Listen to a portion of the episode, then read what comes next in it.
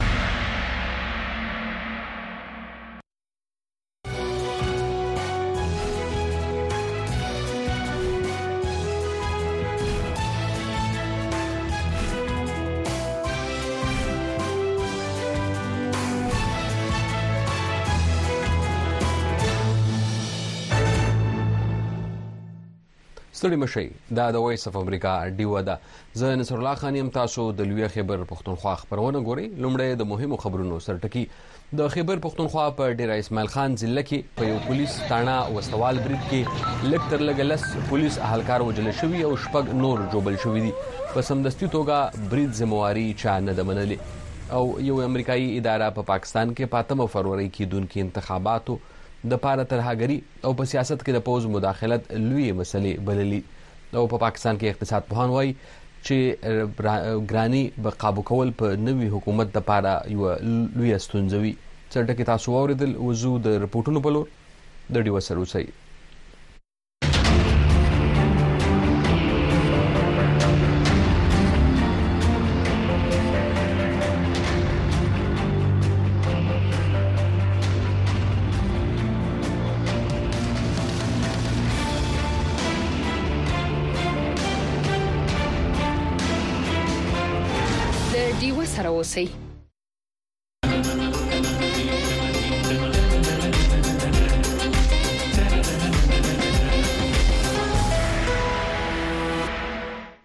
دا د وایس اف امریکا ډیوه ده د لوی خیبر پښتونخوا لومړنۍ برخه لا دوام لري د پښتونخوا په ډیره اسماعیل خان کې لس پولیس وژل شوې دي موږ سره د تازه معلوماتو لپاره د سیمینار د ډیوه خبريال عدنان بیٹنې ملګری شوی سلام شي په خیر علي عدنان بیٹنې صاحب مهرباني نصر الله صاحب منن اولم که په دې د ډیوا کتون کې اوریدونکو خبر کوي چې دغلت په ډیر اسماعیل خان کې د لس پولیسو د وژنو او وجلې لا خبر مخه تراغله ده د څه تفصیل لري مهرباني زه به خپلو اروېدونکو او کتونکو ته ووایم چې دغه پېښه د ډېره اسماعیل خان پولیس وايي چې بېګا د شپې نیمايي کې په درابڼ سیمه کې شوې ده او دوی وايي چې د شپې پر مهال نږدې دېرشو پورې وسلهوال راغلي او د درابن په سیمه کښې په چدوان پولیسو تاڼه وسلهوال برید کړی او په دغه برید کې د توغندي او ورسره چې کومې نور جديد اصلي دي چې کوم ته لیزر ګن ویل کیږي دغه کارولې دي او دا هم وایي چې په دغه برید کې لس پولیس عسكر چې دي دغه وژل شوی او شپږ نور چې دي دا ژوبل شوی دي پولیس دا وایي چې دغه پیښ وروسته بیا سمدستي توګه باندې نور اضافي نفري او پولیسو مشر په خپل دې پیښ ځای ته رسیدلای ټوله سیمه په ولکه کې اخستې ده او دلته لټون عملیات چې دي هغه هم دوامدار دي زه به تاسو ته وایم چې تر دې مهال د پیښې ذمہواري چا په غاړه نه ده اخستې خو په دغه سیمه کې د نوړاندې دسمبر په میاشت کې هم د پاکستان پوځ یو وسلوال برید شوی وو چې په هغه کې پاکستان پوځ په خپل باندې نږدې 22 امنیتي عسکرو وژنه شوه هغه تایید کړې و خو دغه تازه حمله په داسې حال کې شوې چې په پاکستان کې چې کومه عامه ټاکنې دي هغه د درې ورځې پاتې شوې دي خو له دغو ټاکنو چې څونه وخت رانږدې کېږي، ورسره ورسره دغسې د ناامنۍ پېښې هم سېوا کېږي، خو دغه د ډېر اسماعیل خان پېښه چې کوم خو دا وروستۍ کښې څومره پېښې شوې دي، په دغو ټولو پېښو کښې د الېکشن پر مهال تر ټول نه ېوه غټه او درنه پېښه چې ده هغه شمارلې کېږي. صحیح ده مېټن صاحب، ېو طرف ته که دا دومره لويه پېښه شوې ده، په دې اړه باندې کوم لوی چارواکي ډېراسماعیل خان ته تللي يا په دې اړه باندې څه خبرې کړي؟ دغه پېښه وروسته چې کوم پولیس چارواکي دي دی وایي چې په دې کې کوم ژوبل عسکر وو دغه ډیشکیو هسپتال ته راوړل شوی دي چې په هغه کې د دوه حالت مرګونه یادوي او چې کوم وژل شوی عسکر و دغه پولیس لاین ته وړل شوی د دې په جنازه کې د صوبې نگران وزیر اعلی او د پولیسو چې کوم د صوبې مشر دی انسپکټر جنرال اختر حیات هغه هم راغلی و خو دې ته میډیا چې دی نه و پرېښودل شوی خو کوم رپورټونه چې وایس اف امریکا ډیوا یا نور خدوات ترلاسه شوي دا ویل کیږي چې دغه وژل شوي پولیسو عسکرو چې په کورنۍ دي دغه د پولیسو افسرانو ته یا د صوبې چې کوم وزیرغه راغلی و هغه ته سخت احتجاج هم ریکارډ کړی دی او دا پوښتنې راپورته کړې دي چې په دغه پېښه کې چې کوم کسان وژل شوي نو دغه دغه پېښه چې چا دا لاس وهنه کړې دا کسان له کوم ځای نه راغلي او چرته بیا دغه وتښتي او پټ سي او خو په دغه د دې یو ویډیو هم په سوشل ټولنیزو رسنیو باندې ګرځي او په دې کې بیا د صوبې چې کوم نگران وزیر لاندې هغه جواب ورکړي چې تاسو دغه شی پولیټایز کوي یعنی سیاسي رنګ ورکوي خو دغه احتجاج کوونکي ورته وایي چې که دا سیاست وي نو بیا تاسو ټول ووژنئ او دغو دروغو تسلۍ تاسو مه ورکوئ چې ګنې تاسو له دې انتقام یا دا خلک په تاسو چې دې عدالت ته راکش کړي خو زه به تاسو ته وایم چې دغه ناامنۍ پیښې زیات چټک شوې دي نن پټان کې هم لکه په عمر کلی کې د سویل کې چې الته پولیسو او پولیس شریکه چاپه واله خو د هغه پر ضد هم خلک راوتلي او دای ورته ویلي چې ډیر وړاندې تاسو ته د خلک درغلي چې دلته ناامني ده او دا ناامني صفا کړي او دې دا ویلي چې دلته ناامني چې کم خلک کړ دي هغه په خلاف کاروایی نه کیږي خو کوم خلک چې دلته پرامن ژوند تیروي او له حکومت ته بیا به د امن غوښتنه کوي خو دلته که عملیاتو پر مهال دي عام خلک هم ته نقصان اوړي او که دلته وسله وال بریدونه دي په هغې کې هم زیات ادب چې ګرځدل دی هغه عام خلک دي. صحیح مدن بټ صاحب یو طرف ته که داسې واقعات کیږي او بل طرف ته په اتم تاریخ باندې پاکستان کې انتخابات ټاکل دي چې دغه به کیږي عام انتخابات یا ټول ټاکنې به کیږي نو دغلته کمپاین څنګه روان دی او عام خلک بیا د دې نامنۍ په اړه باندې څه وایي دا ډېره تشویشناکه خبره ده په ځانګړي ډول ټولو صوبه او بیا په صوبه کې خصوصاً چې کوم د صوبې جنوبي ضلعې دي او ورسره قبایلي ضلعې دي نو دا انتهايي زیاتې حساسې ګرځول شوې دي او دلته امنیت چارې چې دي دا د پاکستان پوځ، ملېشه او پولیسو ته سپارل شوې نو خلک دغه تشویش څرګندوي چې که په داسې حال په اتمه فرورۍ باندې دلته ټاکنې کېږي او داسې وسله وال بریدونه هم دوامدار وي نو دا به دا خو یو د کوم د ایښان حمله شوې دا خو یو ډېر واضح پیغام دی چې دلته په خپله پولیس محفوظ نه دي نو عام خلک یا دغسې چې کومې عملې دي هغه به څنګه محفوظوي؟ بل طرف ته خلک په دغه ټاکنو باندې دغه پوښتنې هم راپورته کوي چې دوی ته وخت کم ورکړل شوی وو او انتخابي کمپاین چې کوم وو هغه دوی په پراپر یعنې ښه طریقه سره خلکو ته نه رسولی او موږ وکتل چې څنګه نور پاکستان کې د پاکستان د سیاسي ګوندونو مشرانو لوی لوی ولسي غونډې کولې خیبر پښتونخوا بیا په قبایلي علاقو کښې خو موږ ته په نظر نه راغلې چې دلته کوم د سیاسي ګوندونو مشران راغلي وي او په دې علاقو کښې غټې غټې غونډې را جوړې کړې وي خو په مقامي کچه باندې بیا لیدل کیدل چې دلته ځنې کینډیډیټس چې هغه د ځنې سیاسي ګوندونو سره ځنې ازاد وو او دې ډور ټو ډور کمپین او په بازارونو کښې بیا کله نا کله ریلیز یعنی جلسې جلسونه هم کول. صحیح ډیره زیاته مننه کوه ودان بریټنی صاحب د وخت راکولو معلومات شریکولو جهان مننه مهرباني کور ودان.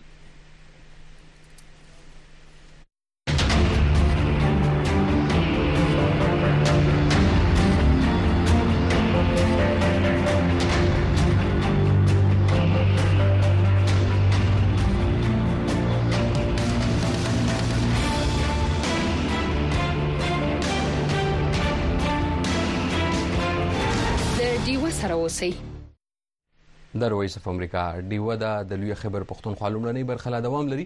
دوی امریکایي ادارې په پاکستان کې په 8 فروری کېدونکو انتخاباتو په وړاندې په ملک کې روانه ترهګري او په سیاست کې د پوز لا څوهانه لوی چیلنجونه بللي دي دغه اداره په پاکستان کې وایي چې د پاکستان تحریک انصاف ګوند باندې لګولې شوې بندیزونو لوجه په انتخاباتو نتیجې باوري نه وي دغه ادارې په خپل دغه رپورت کې به ویلي چې سیاسي جبر د ترهګرۍ خطر او د پوز مداخلت پاکستان کې د جمهوریت عمل لپاره یو خطر جوړ شوی دی د دې لوجې به راتلونکي انتخاباتو په نتیجو پوښتنې راپورته کیږي په دې اړه نور تفصیل تاسو ته د اسلام آباد نه ډیوه خبريال اورنګزیب خان وړاندې کوي Armed Conflict لوکیشن اینډ ایونت ډیټا پروجیکټ نومې د امریکایي ادارې وینا ده د سیاسي جبر د ترهګرۍ خطر او د پوز مداخلت پاکستان کې د جمهوریت عمل د لپاره یو خطر جوړ شوی دی او د لوجې باراتلون کې انتخاباتو په نتیجو به پوښتنې پورته کیږي کله نه چې دا ټول ټکنو پراسي شروع شوی دی نو هغه وخت نه چې دی په دې باندې ډیر شکونه دي یو خدای چې پاکستان د ریګ انصاف چې دی هغه ته هغه شان لیول پینګ فیلډ ورنکړې شو څنګه چې مطلب پکار دی دا چې دی خو جلسې نشي کولای دا کارکونان چې دی نشي وروتلې هغه نه الیکشن سمبل چې دی انتخابي نه خچ دی غیر ته واغستا نو چې کم کس خپل کور به جنډو لګي سبا هغه چې دی غیب شي نو دا چې دی لکه مطلب دا ډیر شکونه پیدا کوي د رپورت ترڅنګ ډان رسپانه د امریکای انسټیټیوټ اف پیس د سویلي اسیا یو مشر لخوا لیکي چې پاکستان کې راتلونکي انتخابات په دوه لوی چیلنجونه وي یوه ترهګری او بل معاشي مشکلات د پاکستان راتلونکو انتخاباتو کې د ترهګری خطر په حق له د ریپورتونو داسې حل راغلي دي نن هم خبر پښتونخوا ډیر اسماعیل خان کې د پولیسو په یو تاڼه برید کې نږدې د پولیسو لستنه وژل شوی دي د الیکشن لپاره 2008 په شانې غټ ریټ چې د غدې شپګردي د پاکستان کې خاص کر په بلوچستان او خبر پښتونخوا کې سیاسي جماعتونه او د هغې ورکران چې دي او لیډران هغه په ټارګټ باندې دي نو دی وخت کې په خیبر پښتونخوا او بلوچستان کې الیکشن باندې غټې خطرې دي پاکستان پوسټ څو واري ویلي دي چې په سیاست کې هیڅ قسمه دلچسپي نه لري خو په خوان وزیر اعظم عمران خان په اکانومست کې لیکل شوی خپل لیک کې داوا کړې ده پاکستان کې یو ځل بیا د سیاست اختیار پوسټ په لاس کې دی په ملک کې سیاسي عدم استحکام هم د وخت په عروج باندې دی پاکستان تحریک انصاف دا دعوه کوي چې مونږ ته په ګراوند باندې باګه موقع نه ملوي څنګه نور سیاسي جماعتونو ته ملاوي نو دا هغه سيزونه دي چې د وخت کې هر راتلونکي حکومت تبا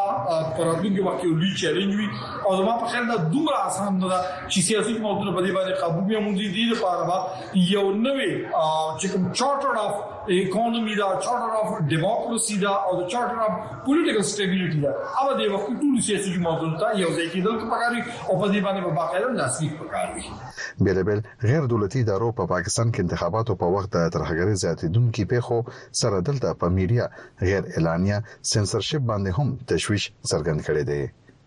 اورنګزېب خان، وایس اف امریکا، ډیوه، اسلام اباد.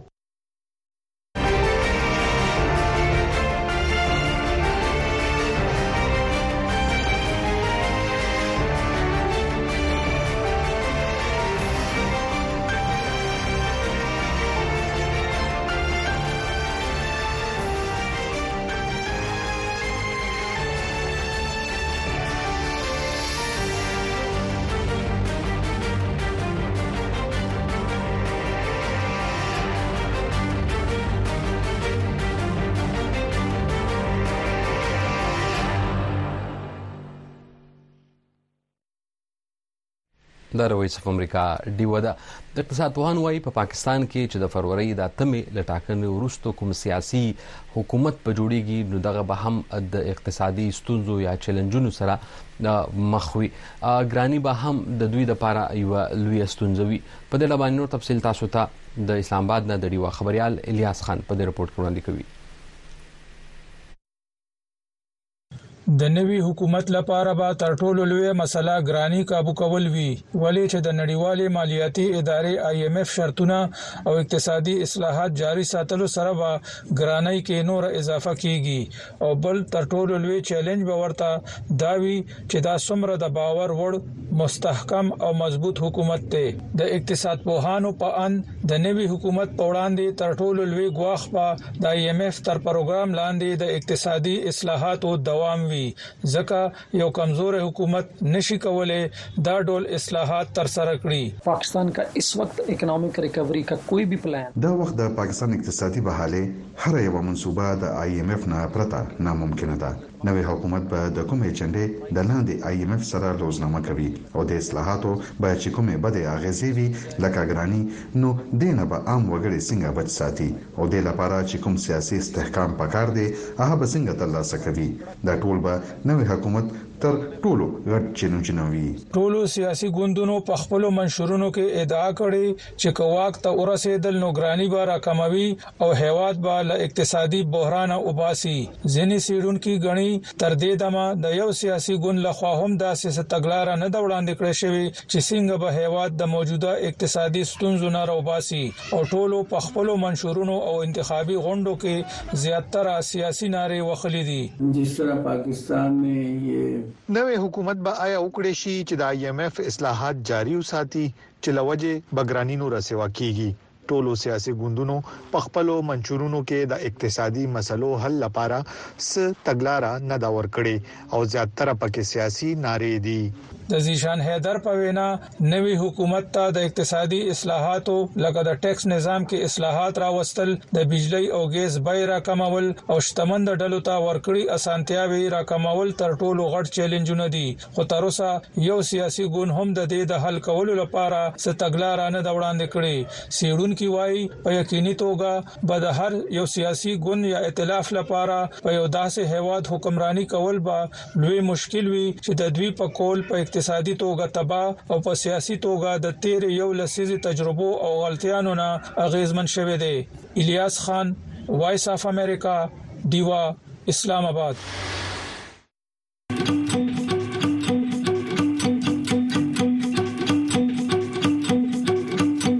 ویوي دیوا په سټلایټ ټي وي هر ورځ سلویریش ساته په دیشنټینا تاسو په یو ټل سټلایټ په ټي وي تازه تولا او به طرفه خبرونه بحثونه او سیړنی کتلې او اوریدلې شي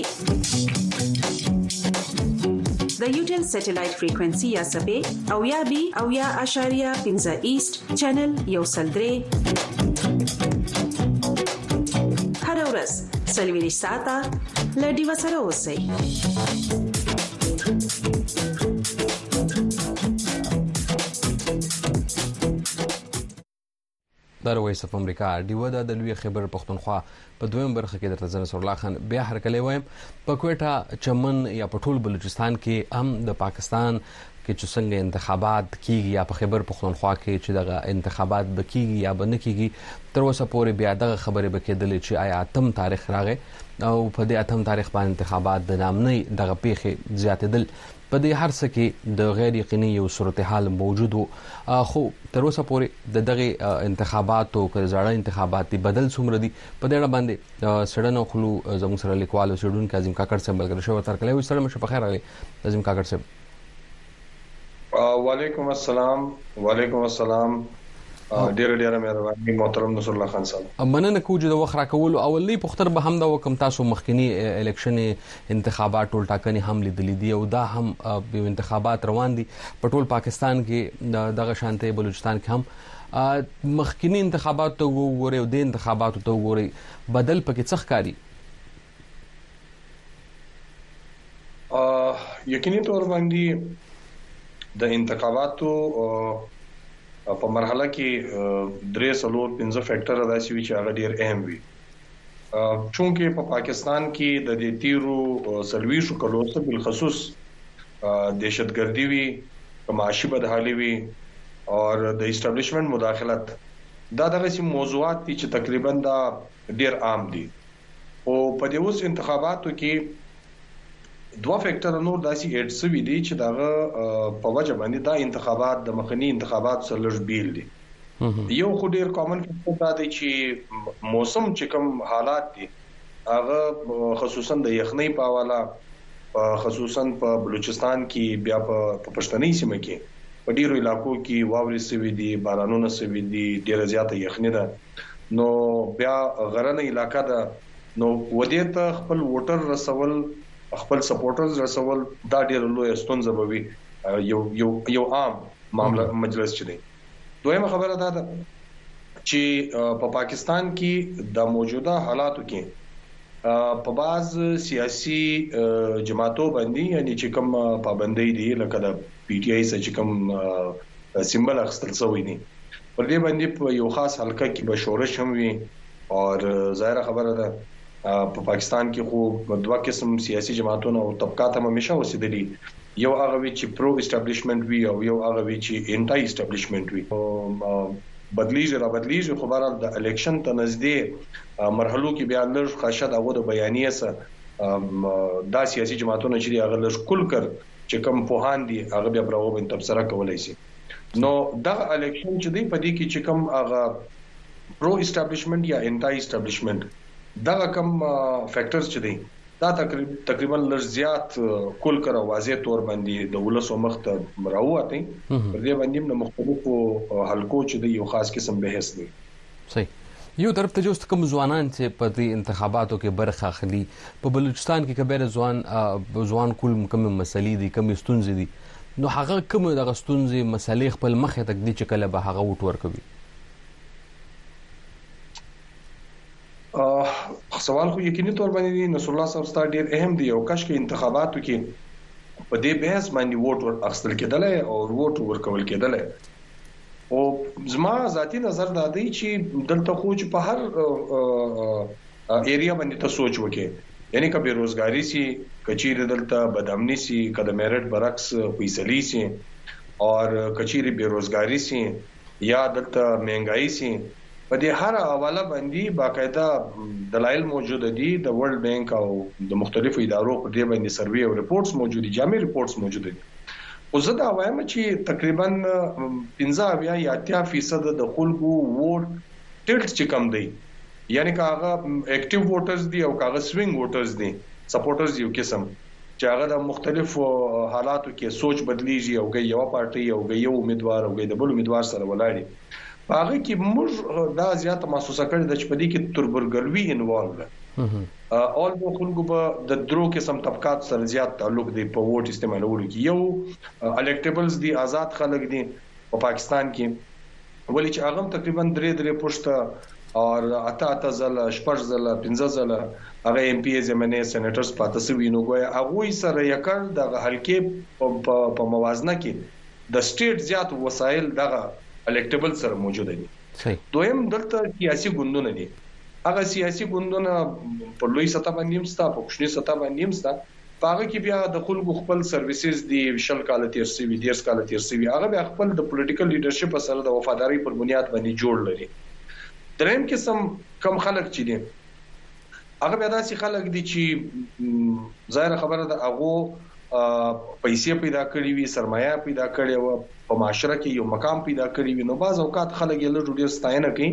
نو هغه ستاینه یو داسې فکټر جوړ شي چې دی د یو درېیم فورس په تور باندې مخته راشي.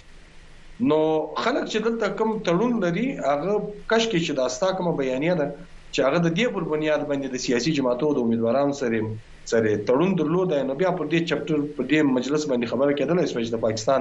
انټرنل یا ایکسټرنل کوم ایشوز چې د داخلي او خارجي هغه مد نظر خلک ساتي او دغه پر بنیاد باندې ووټ کاسټوي خو زما ذاتي نظر د دې برعکس دی خلک د سیاسي جماعتو سره هم وابسته دي نو په هغه کې د امیدوارانو سره وابسته دي په هغه کې تقریباً لس فیصده پنځلس فیصده خلک چې هغه د پارټۍ عهدیداران وي یا پارټۍ په ماضي او په دغه کې پر دوی باندې مهربانه وسیدلی د نوکریو په شکل کې د ټیکو په شکل کې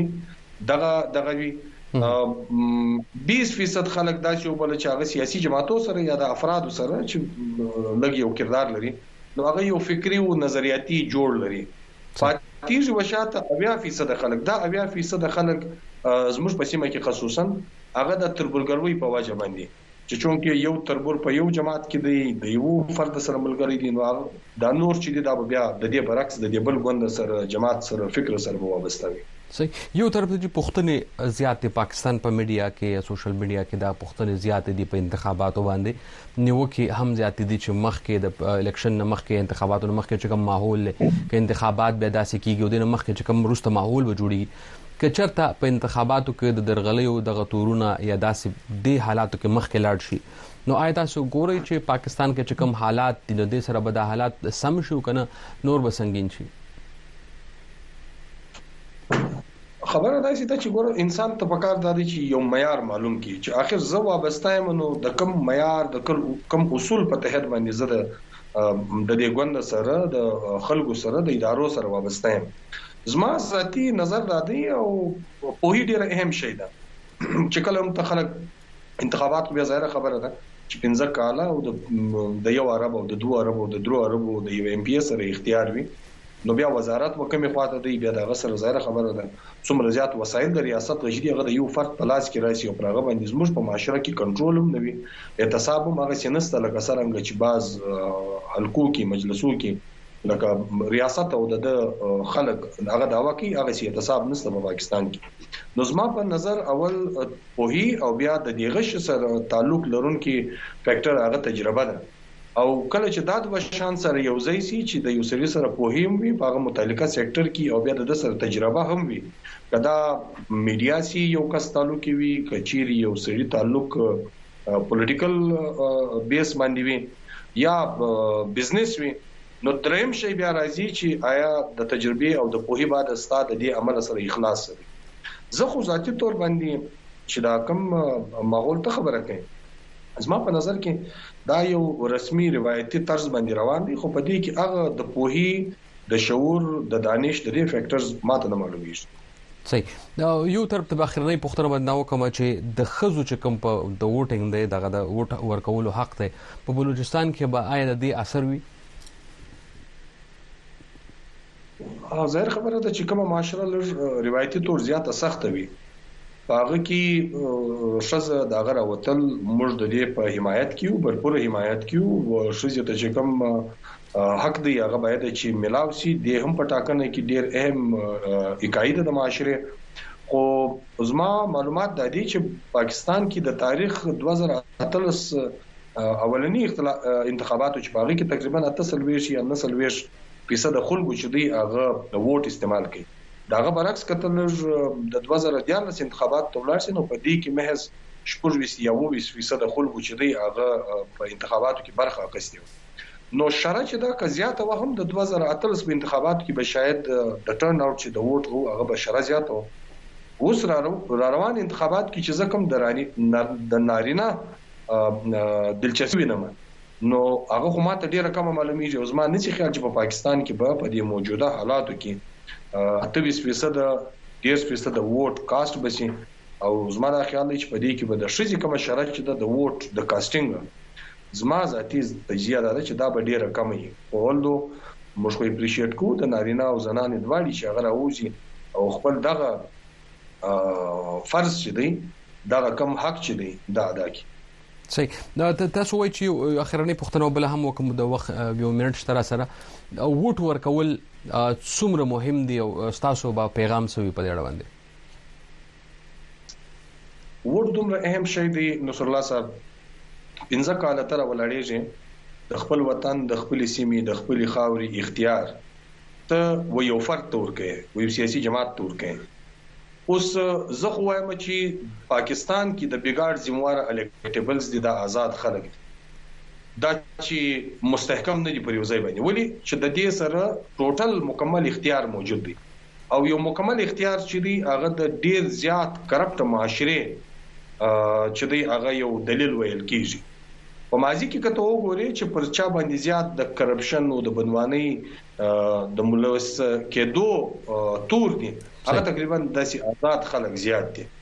نو زما نظر دا دی چې ووټ څه دی ووټ بنیادی تور ته پر دوه لار باندې استعمال کړه یو خو د ووټ خاص یو حقدار وي چې هغه د وطن سره خپل مینه لري اخلاص لري او هغه امین وي صادق وي د خپل طاقت ولې دا ایم پی شپ چې دی ایم ان شپ چې دی دا بنیادی تور باندې یو طاقت دی د دې طاقت سره ایډ کیږي اختیار وزارت وزارت دا یو خبره پر کوم معذرت غواړم که چیرې ته په دې پوهیږې چې یاره دا زما طاقت او اختیار دا زما طاقت او اختیار باندې دغه سړی چونکه اهل دی حقدار دی دا زه نسم راوستلی نو بیا کم از کم په علاقه کې داسې خلک چې ته په پوهیږې چې یاره دا برپوره کرپشن کوي دا به د اختیارات څخه تجاوز کوي مننه رواوي کوي په کار دا چې دا منډیټ بیا غته منتقل شي ډیر زه ته مننه کوم کاکړ صاحب د وخت را کولې او جهان مننه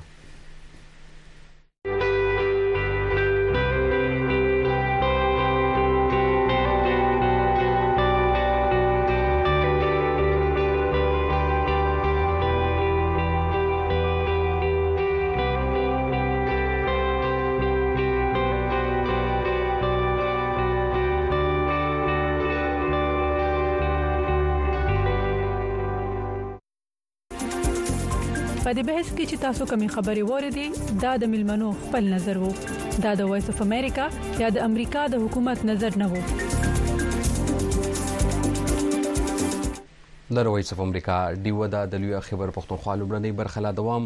لري دغه چې څنګه تاسو په دې کې بحث هم اوریدو او رپورټونه هم تاسو اوریدو په دویمه برخه کې تاسو ته وړاندې کوو د دیوا خصوصي بحث چې د الیکشن د انتخاباتو یا ټولټاکنو په اړه باندې موضوع هم ده پاکستان کې سیاسي ګوندونه ولې تر اوسه په سیاسي او انتخابي عمل کې خزو ته پوره برخه ورکولو کې ناکام دي په دې اړه باندې د ډیوا خبريال سادیه قاسم شاه د یو پروفیسور د یو جرنالست او د یو سیاسي فعال او د یو سټوډنټ سره خبرې کړې دي هغه په دې اړه باندې څه وایي دغه تفصیل تاسو ته وړاندې کوو خدای پامان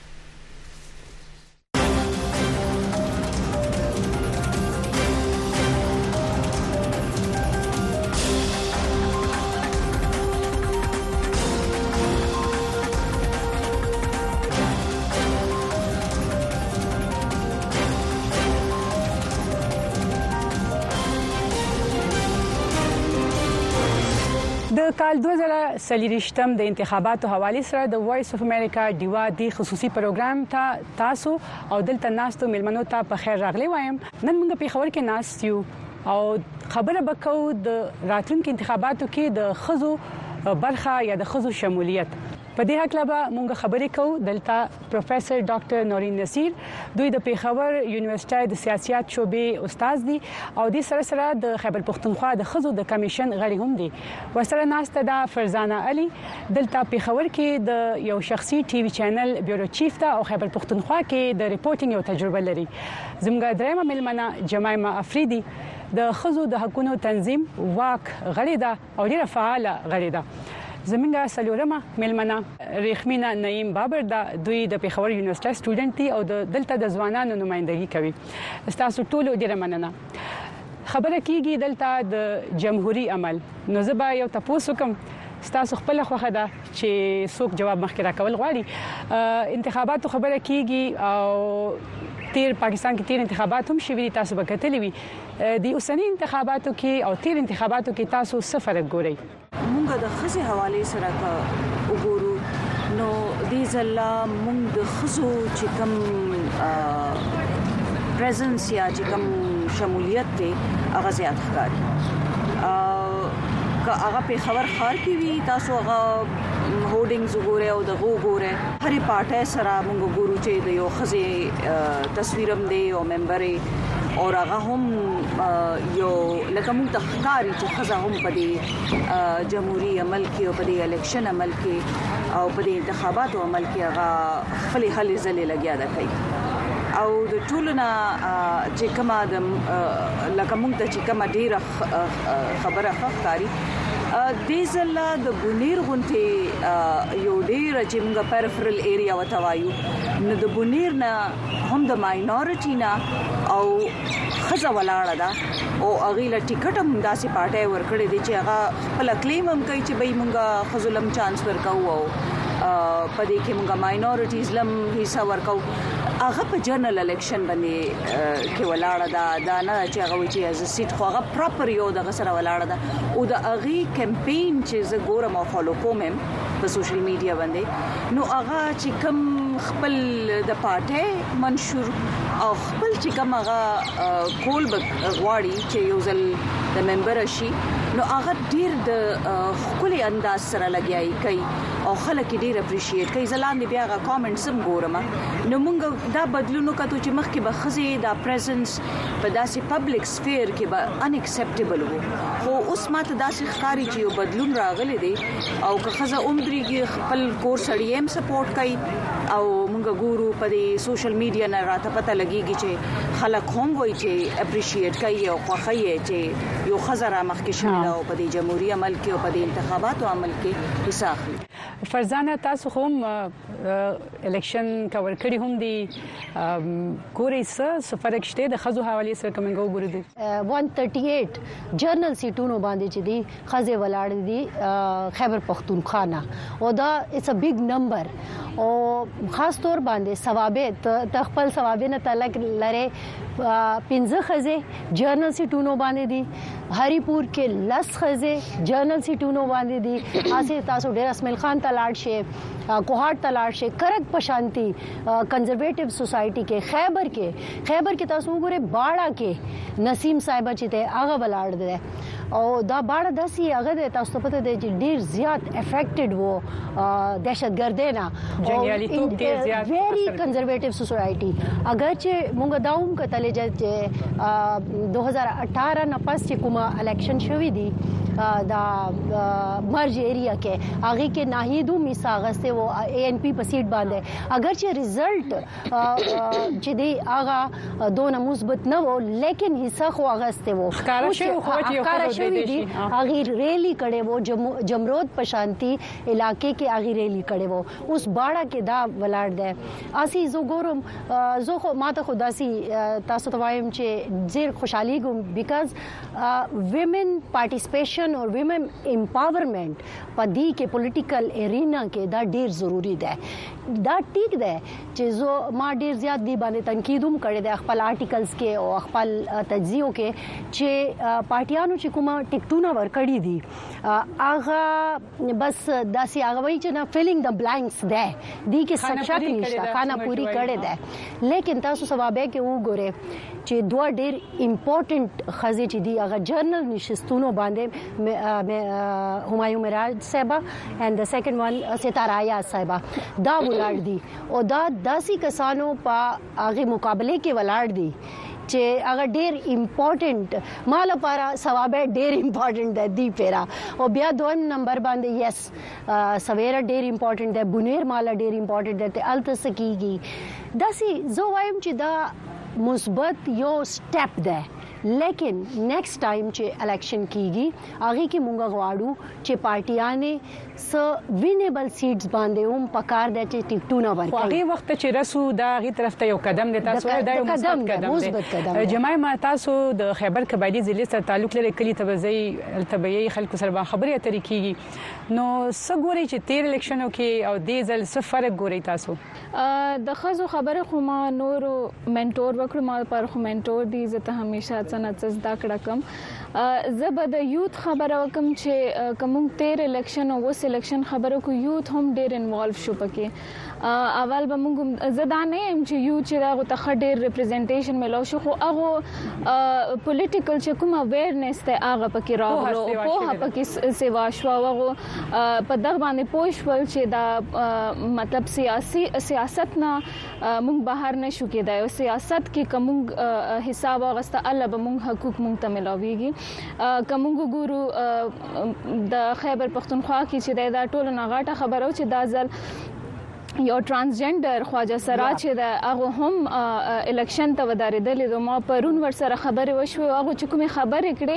هغه هم دا ویل چې موږ ریپرزینټیشن نشته دی او په کار دی چې هغه وی چې پارلیمنت کې موږ خبره ونه کو چې خواجه سراج ته څه په کار دی څه نه دی په کار هغه خپل نشي ډیسایډ کاله دغه نه علاوه هغه ته خپل پولینګ پولینګ بوت چې دی هغه ورته ملاو شوې دي نو دا یو ټولو نه غاټ کار ډیر مثبت قدم دی بدل خبره دم ګوي ډیر زیات هغه هم دا نو یاد خبره ده یو ایگزیکټلی هغه هم دا خبره کړې چې موږ به تیر کال سوري تیر الیکشن چې موږ به الیکشن لتلو یا موږ به ووټ اچالو موږ به دا سوچ کړو چې موږ خزو هغه لاړ شو که سړو هغه لاړ شو دواړه موږ نه پریګدي نو موږ به ځکه ووټ لسره تلونه نو دا ځل هغه هم مطلب یو هوب کی چې موږ د پاره به هم څه نه څه تبدیلی راسي دغه نه علاوه که زه د ځوانانو خبره وکم زه دا ویل شم چې ځوانان چې د وس په دغه باندې پوښ ول چې خپل حق به څنګه اخلي او زه دا غم پیګم چې دا کوم یو ګیپ کریټ شوی دی په ځوانانو او په موږ مشرانو مانس کې اغم لګ لګ کمیږي وس هم خډیر دی خو څرنګه چې تاسو ویل چې عمدا وړه وړ چې کوم قدمونه وی دا یو یو نو طرف ته روان دي بالکل نو دا یو پوزټیو مطلب موږ د لپاره قدم دی رڼا خو بالکل نو زه غنم چې دا چې کوم یوت انوالومنت شو دا سه خواجه سره انوالومنت شو دا به ډیر ښه یو غو د سټیپس دي ډیره مننه رخمینه تاسو تر اوسه پورې ووټ نه چولې ما تاسو سره خبره کیده تاسو ویش دی الیکشن کې به لومبي ځل تاسو ووټ اچوي نو د دین علاوه نور تاسو سره سه بدلون ګوري ځوانانو تیر الیکشن ته تاسو قتل او دی ځل چې په خپل اراده لري چې ووټ واچوي نو څه قسمه ایکسایټمنټ دی څه سوچ لرئ څنګه به بدل وي دا ځل ستاسو لپاره فرست اف ال خدا خو زموږ فرست ټایم دی موږ ووټ اچو زموږ خو بیسیکلی س ایکسپیرینس نشته نه څه داس ایکسپوجر او نه څه او خو عمر هنو عمر هم نو نه پویدو نه څه داس او خو اوس چې بیسیکلی میډیا شو سوشل میډیا شو نو اوس هغه انډرستانډینګ اوس موږ ته ورو ورو ډیولپ شو چې لکه د دې بیسیکلی مقصد څه دی او جس انډرستانډینګ نو ورو دا یوت مونږ ګورو ای چتی کې ای پویږي چې لکه مطلب دا دیموکراسي دا د یو اپورتونټی د مونږ ته پاره خپل داسې ریپرزینټیټر ساتل چې کم زمونږ ته پاره خبره کوي داسې کس نه چې بس هغه راضي او بس اسې ټایم تیرې او نه سکار کوي او نه نو دا اوس د ځل تلګ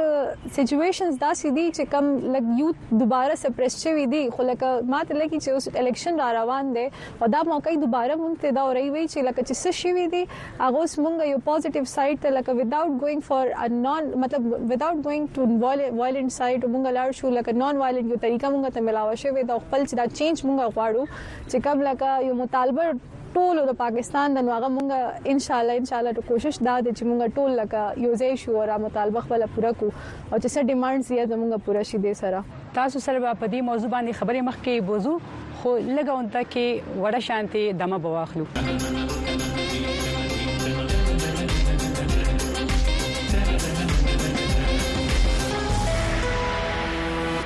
تاسو ته یو واره بیا هر کله وای پروګرام کې نورین تاسو نه به اوس یو تاسو کوم د دې الیکشن یو مهمه برخه ووټر وی او بیا خزي ووټرانې موږ اکثر کتلې دي خبرونه هم راغلي دي چې د کور چې کمی خزي یا زنانه یې هغه د خپل د کور د نارینه په خوخه ووټ اچوي نو آیا دې کوم بس بدلون راغلی چې اوس په دازل د نارینه چې د خزو په خوخه ووټ واچي او کنه سه حالات بدل دي کنه په دې اربن سیټینګ کې هم موږ ګورو چې په خاريو کې خو خزه لګا پويږي او هغه ته پته چې ما پسې خو سړی ناراضي دن نه بوت چې ومه ګوري چې زه چاته ووټ اچوم خو په کلو کې اوس هم چې نو مشران د کلی چې اوس صرف د کور نه د کلی مشران وایي چې ووټ لبنه راوځي نو بس بیا به ووټ لم نه راوځي او چې وایي چې د فلاني ته به ووټ اچوي نو فلاني ته به ووټ اچو نو دا رویه خوشته دي اوس هم شته دي او یو نیمه خيار خزه پکې وی چې هغه وګوري چې ما پس په زوګدن نه نه را روانه چې زه چاته ټاپه لګوم هغه ته بوله کوم لکه ماته یاد شي چې مونږ سواد کې یو سروې کول نه مونږ ته تاسو کولو چې لکه مونږ ته خو ویل شي چې کتاب ته به ووټ چاوي خو زه لاړم ما په بیٹ باندې واشله نو دا سه خزم شته اګریسیو وو دا غیغه خپل چې کم سوچ او سمج سراغي ته چې څوک خلګي غیغي ته ووټ چولي اچي خو دا یو افسوس دی چې ایون په اربن سیټینګ کې چې خزي بیا وایي چې او ټیک تا زموږ د سړی زیات مونږ نه پويږي جنرالي دا یو زموږ سوچ او فکر دی چې زموږ سړی زیات خيار دی امانه او دا سیاسي عمل هغه مونږ صرف سړو سره تړلې دي کنه چې سړی د بار شیزونه باندې زیات خپويږي نو دا ووټ چول او دا الیکشن چې د سړی کار دی دا معنی زیات خپويږي نو دې چې ماته سوي نو هغه بس همغه شانتي کوم نو دې کې به ډیر ضروری ده چې اول زمونږه دا سیاسي شعور راشي زمونږه نر خزه دواړو کې صرف خزه نه دواړو کې دا شعور راشي نو بیا به ما خیال دی مونږ خپل مرزه سره خپل ووټ اچول شو فرزانه تاسو څه ګورئ د خبرو مخکې بوزو چې فیصله سازي کې یا د ووټ په حق لا فیصله کولو کې چې زب ووټ چاله ورکوم چې خپل رائے بچاله ورکوم خزو کې تاسو دا څه ټرینډز کتلې دي تاسو څو وخت ریپورتینګ کړی دی مختلف علاقو ته تللی نو خزي په خپل خوخه ووټ اچوي کنا هغه باندې کم داسې زبوام چې فشار وي یا کم داسې رکاوټونه چې هغه خپل رائے چې یا ورکول نشي د کور نه راوتل نشي یا کوزي ورسي سترګې سره پولینګ سټیشن ته نو بیا په ووټ په طریقه کار نه نه پويږي دا سي تاسو قسمه ټرینز کم ځای زیات کتلې دي یا دا سي شته دا سي مشکلات شته جی بالکل مشکلات شته دا ویری کوي فرام ایریا ټو ایریا موږ اوس چونکه پښتونخوا خبره کوو پښتونخوا کې هم څنګه چې مېم ویلې ده چې اربن او رورل چې ده هغه هم فرق ده بیا رورر کې هم تاسو وګورئ چې دا قبایلی حصہ چې ده هغه لګ مختلف ده او دا زموږ بندوبستي علاقې چې دي هغه کې خلک خزو کې شعور شته او هغه سي هم شته او دی کې دغه فرق بیا تاسو ته خپل حق رائے دی باندې و مخکاری کنه 2018 کې دا تبدیلی راغله وو چونکه خان صاحب یو پاپولر هیرو لیډر وو هغه ډیر زیات یوت ووټ او خزه چې کومه دی هغه ما کتلې وو چې هغه انکلینیشن چې ده هغه تحریک انصاف په طرف وو دینه مخکې چې مونږه کتلې وو هغه پاکستان پیپلز پارټي او اے ان پی چونکه داسي جماعت وو چې هغه خزو ته واک ورکل یا تاسو وایي چې هغه اختیار او شعور او داسي زونه وو هغه ووټر زوم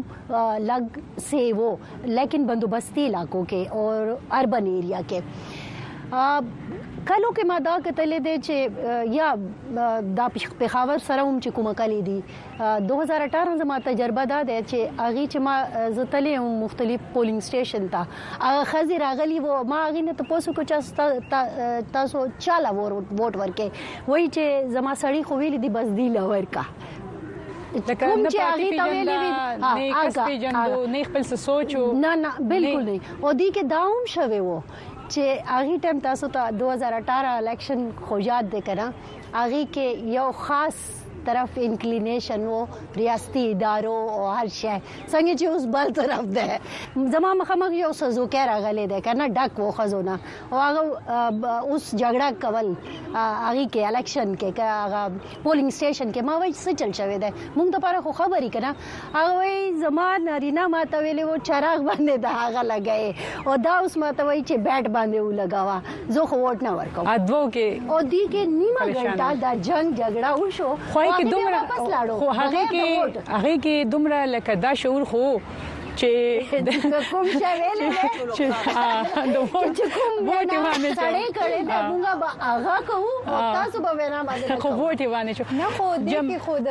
زه خو هم د سړو غلطي نه ده دې کې خو لکه د خزي خپل غلطي ده چې ځان په نه پويږي کنه لکه دا اختیار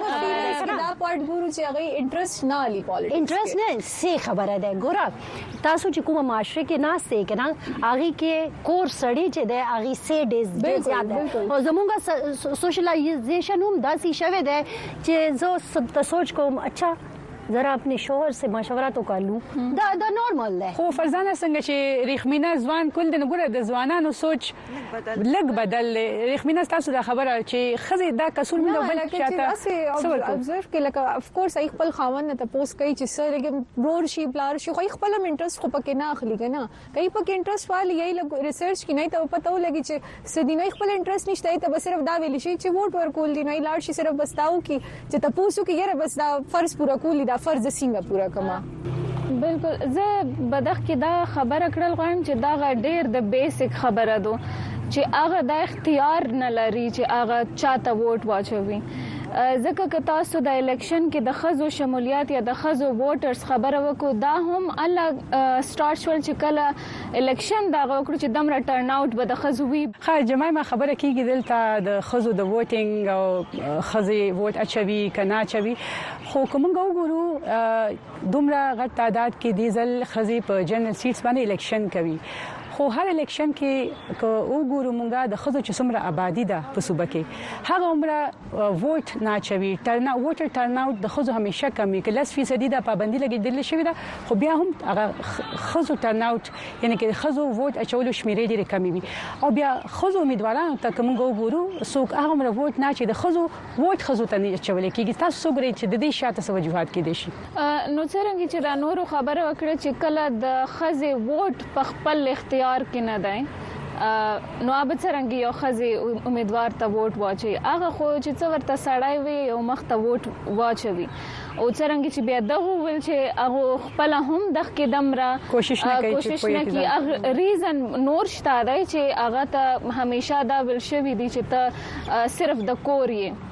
بهر ته هیڅ کارم نشته نو اغه وجادو خو زه خبره د خبر کم چې کله د خزو د پاره د کوم اختیار دی د ووټ ولا دا چې ور سره نه وینو اغه نشي ډیسایډ کاله چې زه به چاله دا ووټ ورکم اغه به مخته ووټ اچي چې څوک چې چا ورته ویلي چې دا مطلب سړی چې ورته ویلي چې دغه به ووټ اچوي بیا کوم د امیدوارانو خبره کو نو د مختلف چا کوم پارټیانو دي هغو به هم هغو نه هم یو زه ګیلا کوم چې هغو کله هم کمپاین خبره شي ډیر چې کوم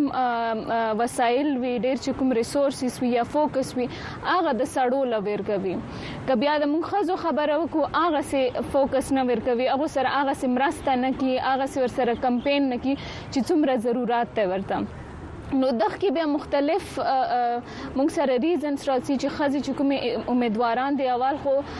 زم چې هغه ډیر د بهادرۍ کار کې چې داسې معاشره کې چې کوم کې خزو ته په کور کې هم او بیا په نورو چې کوم موږ سره فیلډز دی اخ کې هم ورته دمر مشکل مشکل وي بیا غوروزي سیاست کې حصہ خلی واغو داغه پیغام ورکوي چې خزه هم سیاست کې راتلای شي او دا چې کوم نریټیو بیلډ شوی دی د خزو په باره کې چې هغه سیاست نشي کړای هغه ماتوي نو دغه کې بلک ټایم لګيږي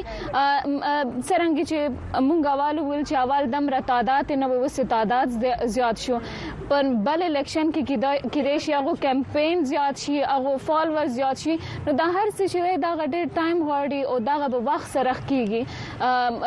مونږ چا کوم ووټرز دي کاغه د خزو خبره کې او که بیا مونږ خزي چا کوم ودارېدلې دي مونږ لا پکار دی چې هغه انکریج کو او ګیپس پکې خ ډیر دي او هغه بم دا واخ سره فل کیږي رخمینه تاسو طرف ته براشم خبرې کیږي کلو کې د خزو څخه قسمه مشکلات دي خاريو کې تاسو سګوري هغه جنکه یا لکان یا یوت یا خزي چې خ تعلیم یافته دي انټرنیټ تر رسایي لري سوشل میډیا تر رسایي لري خو هغوی ووټ لا شانتي تاسو پس نظر کې ټرند سره راوځي به نه راوځي ک نه راوځي وجوهات سدي لکه چا کې یو په هنشته د بل په خوخه ووټ اچوي خو کلک ډیر خزي امپاور شوی دي خود مختار شوی دي هغه کې هم یو داسې ټرند شته رویې شته چې هغه سیاسي عمل کې اډو حصہ نه اخلي هغه د سکور کې ناس دي ټي وي ګوري فلمونه ګوري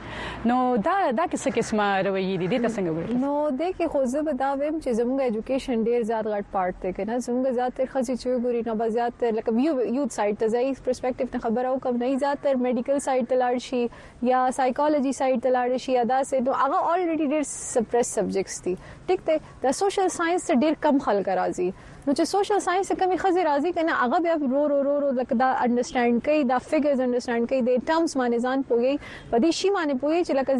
ز سیم او زما حق څه دی او زما خبره څه ده کنه نو آی چې رو رو چې انډرستانډ کې نه رو رو روزي چې درګه دا شیم شته دا غي مطلب یونیورسيټي کې دا سه لکه سوشل ساينسز ماحول لکه دا سه دی کنه اټس ا ویری فری لکه کس هر چاته ایکول اپورتونټی خبره ته موقع ورکړي هر څه کوي راي دا څه پسیزونه ته لکه ساينس نه لکه هټ کې راي سوچ وی کنه نو هغه مطلب مختلف سيزونه نوټس کوي څه د وجه نه هغه لګ رورو دی الیکشن او د باقی د سيزونه ترازی فردر بیا د ووټ خبره شو نو ووټ خو بیسیکلی مونږ وایو چې سوشل میډیا د وجه نه خو ډیر زیات هغه شوی دی ښه شوی دی زه وایم چې اوس لږ داسې ده چې اوپینین اوس هم ډېر کمزوری دی د خلکو لکه چې لکه اوس سپوز یو شی اوس سپوز عمران خان ریلیټډ دی نو ایوری ون از ویری ایموشنل ټو اټ نو هغه بس وایي چې بس اوس چې سم کول دی ووټ د ووټ چول چې دا کس مونږ را واپس راولو نور هغه فیکټ فګر هغه نه انډرستانډ کول غواړي په دې به مخکې خبره کوو اوس په واخلو لګا وړه شانتي وقفه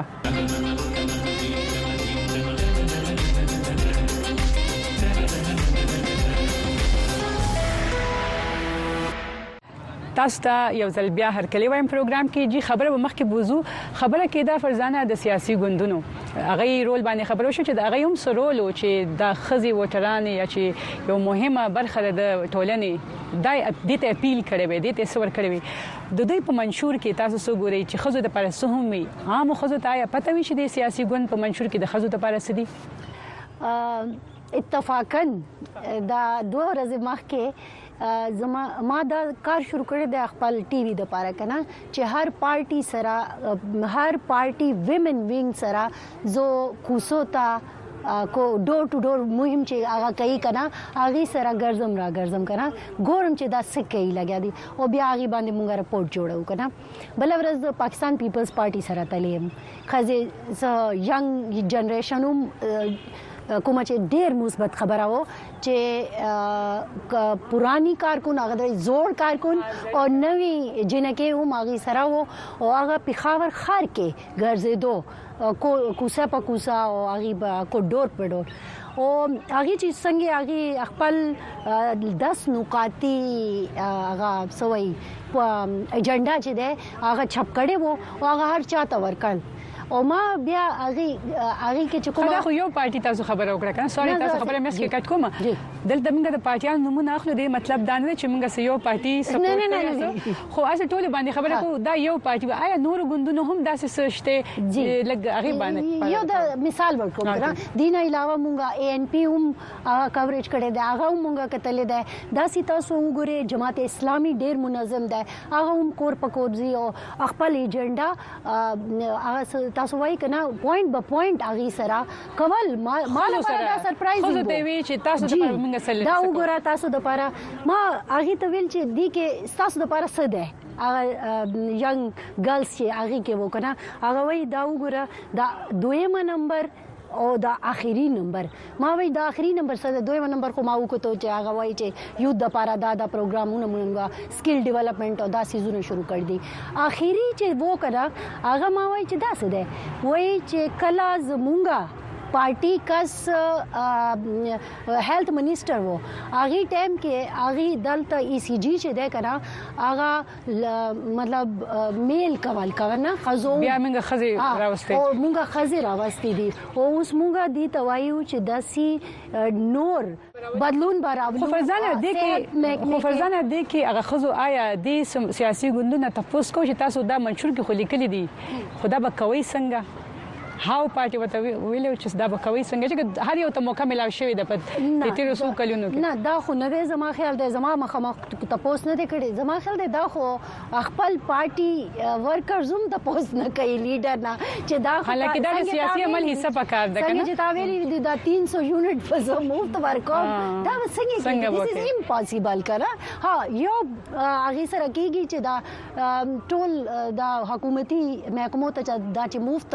یونټس ملاويږي هغه به بند کی او بیا دا کیدی شي دا ممکنه نه ده. جماعه تاسو خبره وختي موږ بیا کوله د خزو امیدوارانو چې ډیر غټ تعداد کې د خزي امیدواران هم مخې ته راغلي دي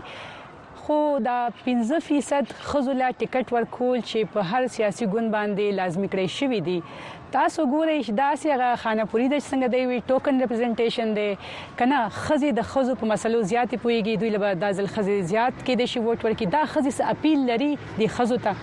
زه خو ګڼم چې څوک هم ورته ودارېدلې دي موږ دا نشو ویلې چې هغه یاسې ودارلې دي هغه کې به څه نه څه ټالنټ وی ځکه ورته ودرېدلې دي خو یې دا ویلې شو چې آیا هغه ته هغه پلیټ فارم ورکوي چې هغه په ډیسیژن میکینګ کې حصہ واخلي هغه فیصله هم کړای شي هغه خبره هم کړای شي هغه باندې بیا مونږ کوېسچن کړای شو چې همیشه دا 15 چکمه کوټه دا صرف ډاکوي خو خو بیا چې کله موږ د ډیسیژن خبره کوو، د فیصلې خبره کیږي یا د د ښځو مسلو خبره کیږي هغسې ریپریزنټیشن ورته نه ملاویږي. زه به د خپل کلي خبره کوم. تیر ځل چې کوم لوکل ګورنمنت الیکشن شوی وو هغه کې هم ډیرو خزو چې د حصہ غستې وا او هغه کمپاین کړی وو ډیر یو ښه ماحول جوړ کړی وو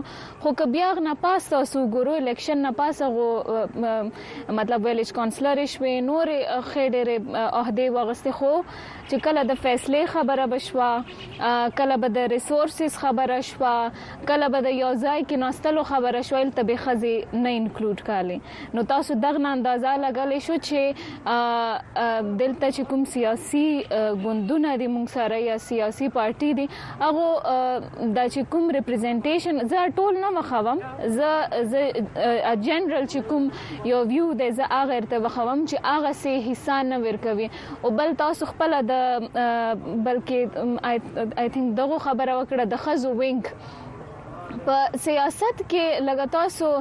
پارټي په دوو حصو کې کړي دو چې کله مونږ کله دا نه یو چې د سړو وینګز هغه مونږ کنسیډر کوو چې ساړو دا پارټي دو